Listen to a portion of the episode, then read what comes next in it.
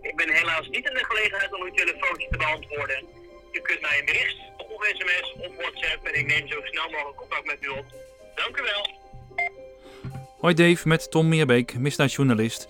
Ik loop een aantal dagen mee bij Kennis in Nijmegen. Ik heb begrepen dat jij daar naar toe op weg bent.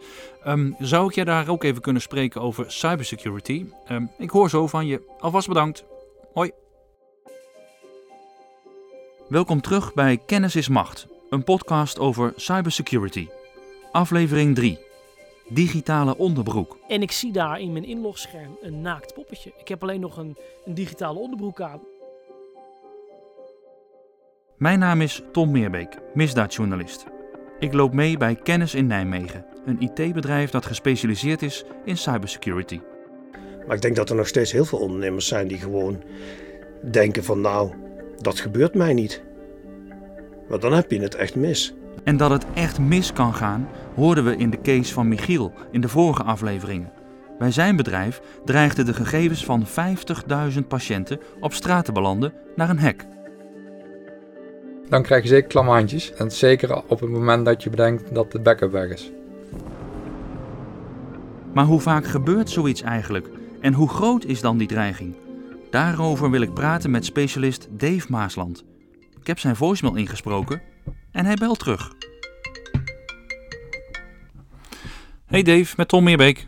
Ja, fijn dat je even terugbelt, want um, jij, wat ik al zei, ik loop even mee bij Kennis uh, deze dagen. Dave is CEO bij IZ Nederland. En volgens hem is cybersecurity de grootste uitdaging voor Nederlandse bedrijven. Top, hartstikke fijn. Zie ik je zo? Hoe laat ben je er ongeveer? Oké, okay, tot zo. Joe. We zijn natuurlijk van oorsprong een maatschappelijke organisatie, want we lossen een maatschappelijk probleem op. We verkopen geen mooie spijkerbroeken of een mooie auto. Nee, we, ja, zo mag ik het wel noemen. We, we, vechten tegen cybercrime. En dat proberen we ook terug te geven, die kennis. Dus ik probeer heel veel waar het kan en wie wil luisteren, of als ik wat zinnigs te zeggen heb in de media, iets te vertellen over hoe ik kijk naar, naar deze uitdagingen, waarvan ik denk dat dit een van de grootste uitdagingen is van, van deze tijd. Vechten tegen cybercrime, dat is wat Dave Maasland doet bedrijven bewust maken van de risico's die er zijn. Zijn interesse voor deze wereld werd aangewakkerd door het gedrag van zijn broer, een echte nerd. Ja, hij is anders. Als hij iets ziet, hij kijkt niet naar het beeldscherm, oh wat mooi, hij kijkt wat staat erop, kan ik het kapot maken. Hij is altijd bezig met wat kan ik iets laten doen wat niet de bedoeling is. Dus ik ben altijd opgegroeid met iemand die op die manier naar technologie kijkt. En dat heeft me zo gefascineerd. Dus ik ben eigenlijk meer ja, een spreekbuis van de echte nerds. Ik check altijd wat zij van iets vinden. Ja, en bij de echte dieptechnische mensen hoe zij naar dit probleem kijken. Dus hoe een hacker precies werkt, dat weet je niet. Je weet wel hoe je er tegen moet beschermen. Ja, en wat geluk wat ik heb is dat ik dus uh, bijna twintig jaar lang samen heb gewoond met een hacker. En ik mag wel zeggen, een van de betere van Nederland. Dus ik heb kunnen observeren hoe een hacker werkt. Misschien, misschien helpt dat nog. ja, je noemt ze rockstars. Er zal niet elk bedrijf, zeker niet als je slachtoffer bent geworden van cybercrime. Ja, dan zou je het geen rockstar noemen. Nou, misschien is dat een van de eerste mythes die ik uit de wereld wil helpen. Hacking is niet slecht. Een crimineel is slecht.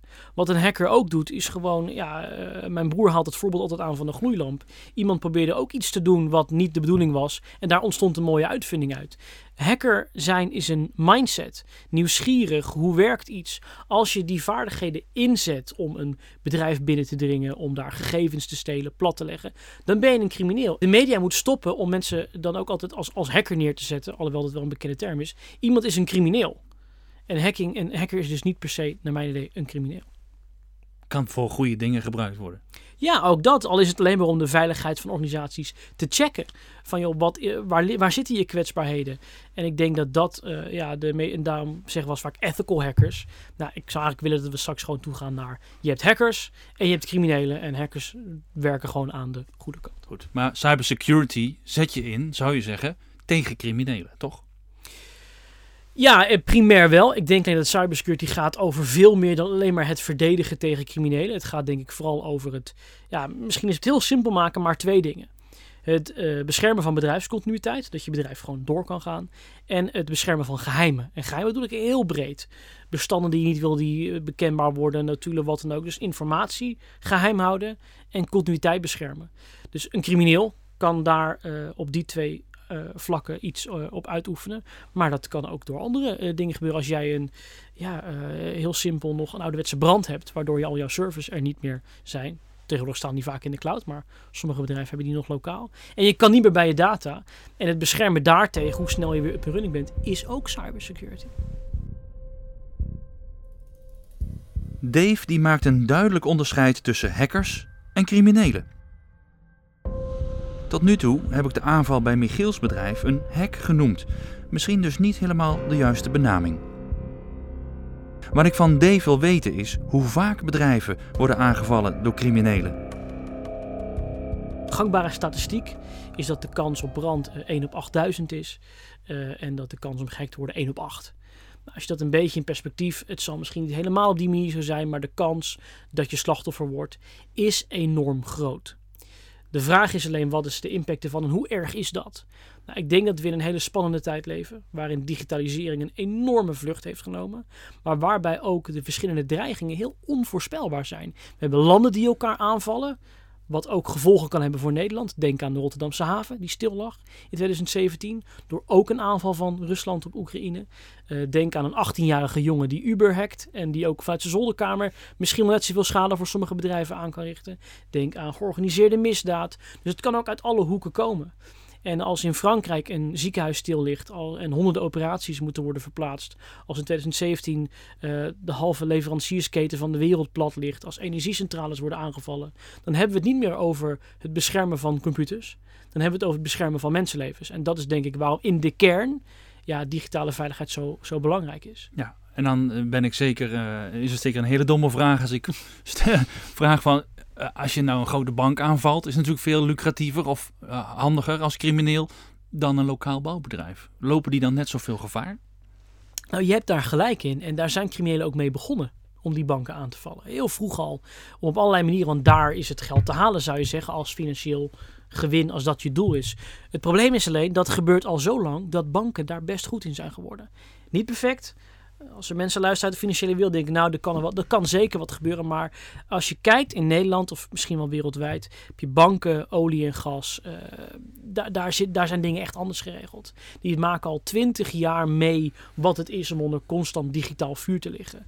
Maar al die andere branches zijn dat niet. Dus als je kijkt naar een bank, daar is veel te halen, maar veel beveiliging. Bij een consument is bijna geen beveiliging, of in ieder geval niet te vergelijken met een bank, maar wellicht ook minder te halen. En als je dan naar het midden kijkt, dan heb je daar die MKB-bedrijven waar nou, niet zoveel is als bij een bank, maar nog steeds wel eh, geldstromen van een paar ton of een paar miljoen. En de beveiliging is middelmatig. Dus je ziet juist dat criminelen nu zeggen, nou weet je wat, misschien maar even niet als gewone crimineel een paar jaar besteden om, om zo'n bank leeg te trekken. Maar misschien gewoon een, eh, een bedrijf op slot zetten die heus wel een paar ton kan missen. De focus van criminelen is dus op MKB-bedrijven komen te liggen, vaak door middelmatige beveiliging. Al zijn het vaak geen gerichte acties, vertelt Dave.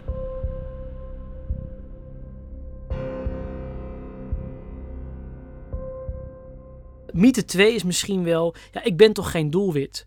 En ik denk dat ze daar gelijk in hebben, de MKB'ers. Er is niemand, in ieder geval voor ons brede inzicht wereldwijd, dat wij vermoedens hebben dat aanvallers ergens zitten. Of het nou China, Oekraïne is of waar ze ook zitten. Zeggen nou, vandaag gaan we administratiekantoor Venema pakken. Dat is gewoon niet zo. De kans dat je slachtoffer wordt, is er wel. Er is dus een verschil tussen doelwit en slachtoffer. Om het simpele feit dat cybercrime, het verschil met gewone criminaliteit, is die, het is exponentieel. Je kan als één digitale inbreker een miljoen bedrijven tegelijk aanvallen door gewoon het internet af te scannen. Hebben ze ergens een deurtje openstaan, een niet geüpdate systeem of wat dan ook. Een soort schothagel afvuren, kijken wat er eh, terugkomt. Wil niet zeggen dat als zo'n crimineel het internet afscant en kijkt welke digitale voordeur open staat, ze zien ergens een gelekt wachtwoord, ze loggen in. En als ze eenmaal binnen zijn, zien zij, wacht even. We zijn bij een gigantische scholengemeenschap waarvan we weten dat ze eh, grote budgetten hebben. Dat ze dan niet verder gaan. Dus ze weten soms wel degelijk waar ze uiteindelijk binnen zijn. Maar het er op zoek naar gaan en ja, dat is veel meer willekeur dan dat dat eh, heel gerichte aanvallen Het is zijn. een heleboel speldenprikken uitdelen. en ja, als je op een gegeven moment beet hebt, kijken van wat hangt er eigenlijk aan de haak. Ja, het is het digitale telefoonboek openslaan en daar met een, een, een, een, een pijl op drukken en zeggen, nou, we gaan, daar, we gaan daar eens kijken. En het probleem, of ja, het probleem van cybercrime is dus, het gebeurt geautomatiseerd. Dus het gebeurt op zo'n grote schaal dat als er soms wel eens een beveiligingslek uit is, hè, dus een stuk software wordt gemaakt door mensen, nou, dan zitten er fouten in. Als een mens iets maakt, nou, wat doen criminelen? Die zoeken naar die fouten in die software en kijken, nou, hoe kan ik, hè, hoe is er misschien een slot op een auto die ik met een koevoet open kan krijgen? Nou, en zij kunnen dus op schaal tienduizenden, honderdduizenden websites tegelijk kijken of daar een fout in zit. Nou, en dat is het probleem van cybercrime, dat op die schaal ja, hebben we nog niet geleerd te verdedigen, bij wijze van spreken. Dat wil ik vragen, want hoe wapen je je daar dan tegen? Nou, dat is de balans. Ik ben ook een beetje moe misschien van het hele kat-en-muisspel. Ik snap wel dat mensen dat zeggen. Het is alleen niet zo dat de aanvallende kant, de criminelen, altijd voorlopen. Sterker nog, de technieken die zij gebruiken, daar weten wij al twintig jaar van. Dat ze gebruik maken dat het feit dat wij, en ik kijk naar ons allemaal ook naar mezelf in deze kamer, dat we slechte wachtwoorden gebruiken. Dat we soms even zeggen, nou, misschien niet nu updaten, misschien maar even later, want ik ben nu bezig. Eh, criminelen maken vooral gebruik van zwakheden. Dus het, ik kan heel ingewikkelde verhalen over technieken en firewalls. Maar waar het echt om gaat in deze tijd, is dat we digitale hygiëne heel serieus gaan nemen. Als we dat niet gaan doen, overheid, MKB, enterprise, wat dan ook, de basis, het fundament heel serieus gaan nemen, dan gaan we echt wel tegen problemen aanlopen die groter zijn dan wat we uh, gezien hebben. Maar daarmee bedoel je eigenlijk digitale hygiëne als ik een pop-up krijg van je moet je firewall updaten. Dat ik dan niet zeg, uh, doe ik morgen, want ik ben er even bezig, maar wel direct doe. Bedoel je dat? Nou, op schaal wel. Ik denk dat we, wat we met de coronapandemie hebben gezien, is zijn we allemaal gehersenspoeld, bij wijze van spreken, om je handen te wassen, te niezen in je elleboog en geen handen te schudden. Als je dat vergelijkt naar de digitale wereld, zijn er ook een aantal basisprincipes, of ik moet misschien meer zeggen fundamentele principes.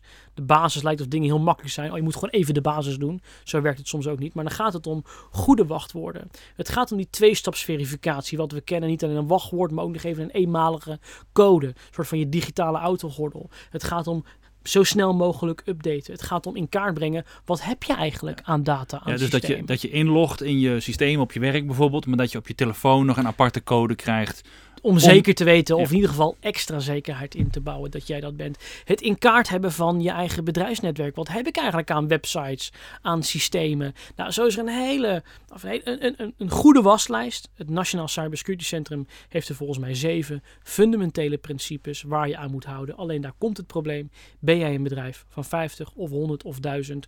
Zorg maar eens dat op al die 1000 of 100 of 50 werkplekken al die basisdingen in orde is. Dat is niet makkelijk, maar we moeten daar wel naartoe. Is het niet zo simpel gesteld als hoe, groot, hoe groter het bedrijf, hoe makkelijker het fout kan gaan? Nou, misschien is dit wel een hoopgevend iets voor de MKB-ondernemers of medewerkers die luisteren. Een kleiner bedrijf beveiligen is in theorie makkelijker, omdat je die fundamentele dingen af kan dwingen. Je kan zeker met, stel je hebt een bedrijf met 50 laptops, nou zeker weten dat daar uh, een antivirus op draait, geüpdate wordt, iedereen inlogt met zo'n tweede code, uh, dat we weten hoeveel laptops we hebben, is veel overzichtelijker. Je hebt misschien minder resources, maar bij een bank, uh, nou ja, kijk naar zo'n aanval bij Uber. Je zou zeggen, hebben een miljardenbudget, wellicht ook voor security. Maar het is heel moeilijk om in een brei van nou ja, duizenden mensen over heel de wereld werken, ja, te zien waar iemand iets verkeerds doet, misschien toch per ongeluk ergens inklikt. En dan is het niet degene die klikt die het probleem is, maar er gaan daarna ja, 8, 9, 10 dingen fout, die waarschijnlijk ingericht hadden moeten zijn, maar wat heel makkelijk is om even te vergeten. Ja, maar hoe ga je dat dan tegen? Dat is een menselijke fout soms. Nou, het interessante hieraan is dus dat alles wat een goede kant heeft, heeft ook een slechte kant. Dus de technologie die de aanvallers gebruiken, die automatisering, dat kunnen we ook aan de verdedigende kant gebruiken. Dus als jij heel erg gefocust bent op die basis en daar ook een continu, net zoals ja, hygiëne is ook een proces. Wij kunnen niet één keer douchen en dan denken we zijn schoon. Nee, we moeten elke dag douchen. Dus als organisatie zal je gefocust moeten zijn, niet op uh, absolute dingen, maar op het proces. Doe ik nu meer dan een dag geleden of dan een jaar geleden of wat dan ook. Dus organisaties zullen een security programma moeten hebben. Het voordeel is namelijk, zo'n digitale crimineel moet nog steeds 5, 6, 7, 8, 9, 10 dingen doen voordat je data kan stelen. Hij kan misschien met één druk op de knop binnen zijn, maar dan moet hij nog dingen gaan doen. En dat zijn allemaal stappen waarop je zo'n aanvaller kan tegenhouden als je digitaal camera toezicht hebt. Je houdt dat in de gaten.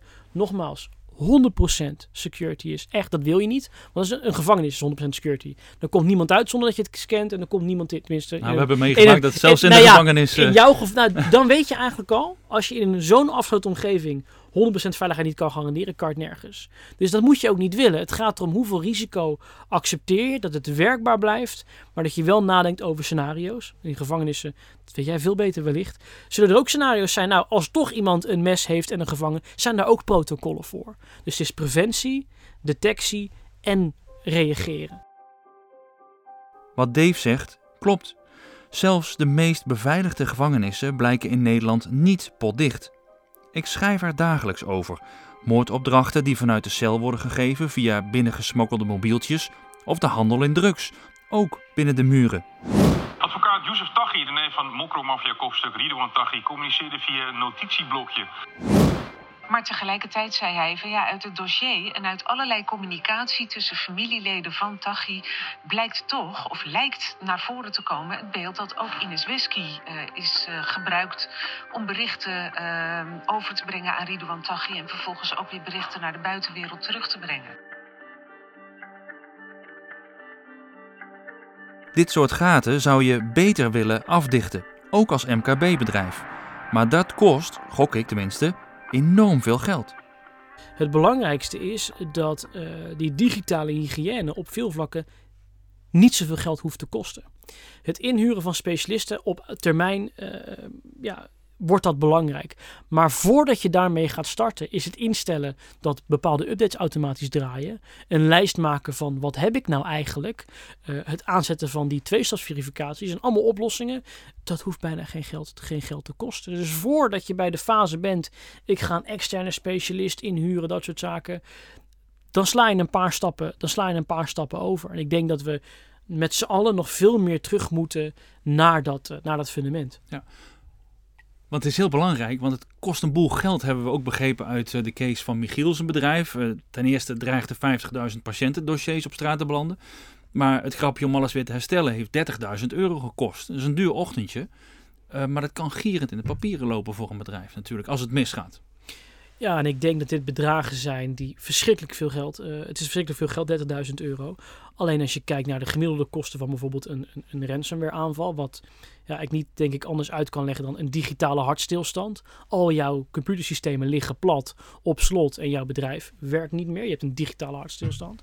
Ja, dan worden de bedragen genoemd tussen de 200.000 euro en de 800.000 euro aan. Uh, en natuurlijk, het hangt, het gemiddelde is, heel lastig, want uh, je hebt een bedrijf die is misschien binnen een dag weer online met goede backups, twee dagen. Maar we hebben het hier over een van de grootste bedrijfsrisico's. Waarom? Als IT stopt of niet meer werkt, um, dan heb je vaak als bedrijf niet zoveel meer over. Want ik denk iedereen die luistert zou zichzelf de vraag moeten stellen: wat als mijn IT niet meer werkt?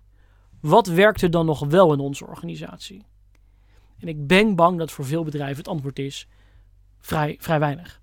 Eigenlijk hebben bedrijven nog te weinig kennis. Zou je dat zo kunnen zien?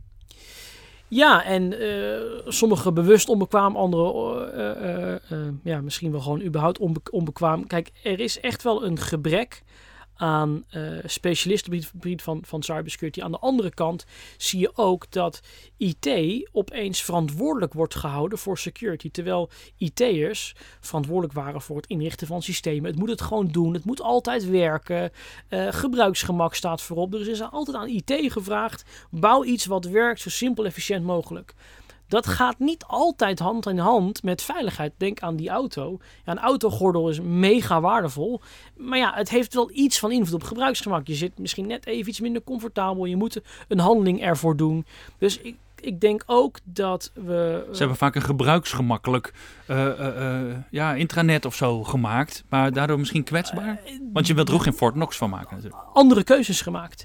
En ik zeg niet dat een IT'er niets van beveiliging weet. Alleen we zien wel dat beveiliging wel een specialisme is. Dus we moeten wel kijken hoe we die werelden dichter bij, dichter bij elkaar gaan brengen. Dus ja, ik denk dat er te veel IT'ers zijn met te weinig kennis van security. Er zijn überhaupt te weinig security specialisten. Maar we, moeten, we hebben security ook te moeilijk gemaakt. We moeten het ook weer terugbrengen naar simpele risico's die een ondernemer snapt. Namelijk jouw bedrijf ligt stil. Dat dat komt door een ransomware aanval of een brand. Nou, ik denk dat ransomware nu een groter risico is. Maar uiteindelijk ondernemer, jij bent degene die moet beslissen over hoeveel geld is het jou waard om dat, dat te voorkomen.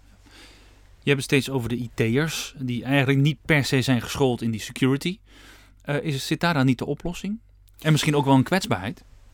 Ik denk dat daar een gedeelte van de oplossing zit, omdat er een stroming is geweest die nu zegt: ja, maar uh, we moeten met uh, specialisten alleen maar werken, beveiligingsspecialisten. En dan heb je naast een IT-partij heb je ook een security-partij. Ik geloof veel meer in het samenbrengen ervan. Een IT-bedrijf is altijd voor een klant de ja, de vertrouwenspersoon geweest. Die wist hoe technologie werkte. Daar, daar klopte je bij aan. Ik denk als we nu gaan zeggen, ja, maar voor beveiliging kan je daar helemaal niet terecht. Ik denk dat we dan de verkeerde kant op gaan. Ik denk wel dat elk IT-bedrijf zich af moet vragen, hoe ver wil ik zelf gaan en welke hulp wil ik inroepen. Maar laten we alsjeblieft het IT-bedrijf het centrale contactpunt voor een klant houden. Maar we moeten IT-bedrijven wel eerlijk, elkaar eerlijk aankijken en zeggen IT-bedrijven. Onlangs de autoriteit persoonsgegevens bracht een rapport uit dat de meeste datalekken uh, in ieder geval worden gemeld, maar ook bij IT-bedrijven zelf vandaan komen. Dus er is werk aan de winkel, maar ook denk ik een kans voor IT-bedrijven om te laten zien dat zij ook dit heel serieus nemen.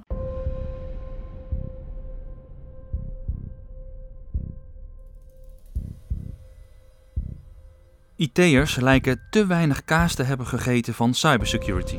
Gelukkig loop ik mee bij een bedrijf dat juist wel op dit gebied is gespecialiseerd.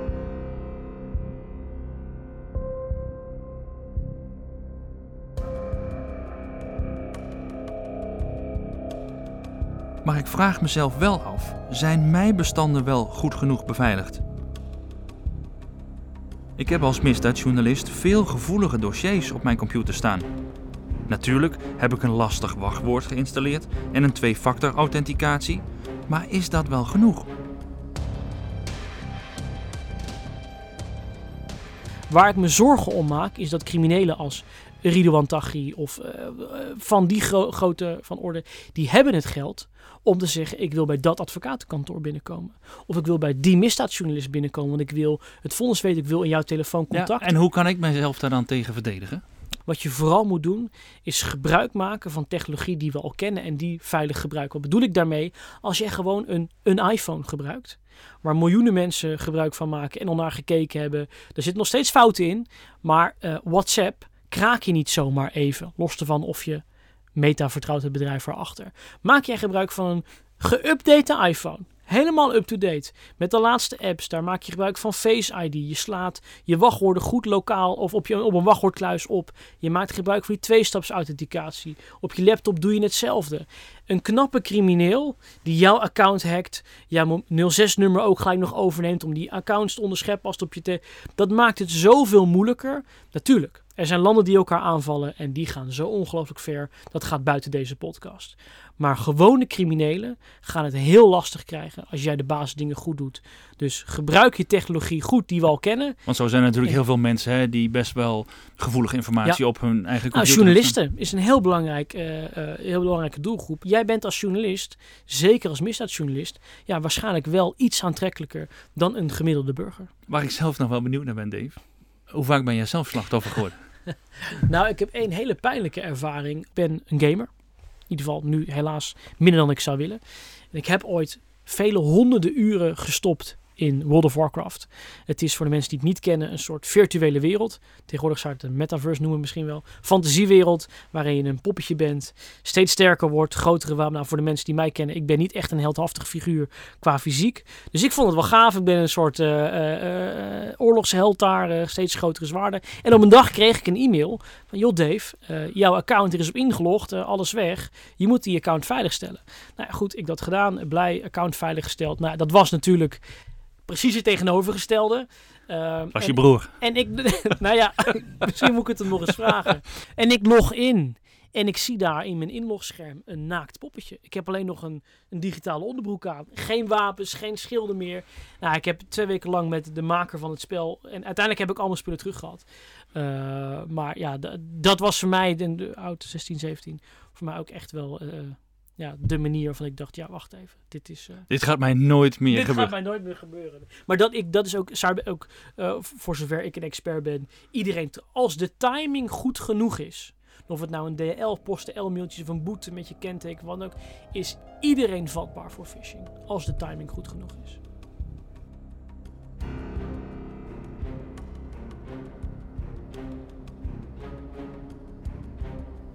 Zo zie je maar, het kan zelfs de beste overkomen. Zaak dus om waakzaam te zijn. In de volgende aflevering gaan we terug naar Michiels case.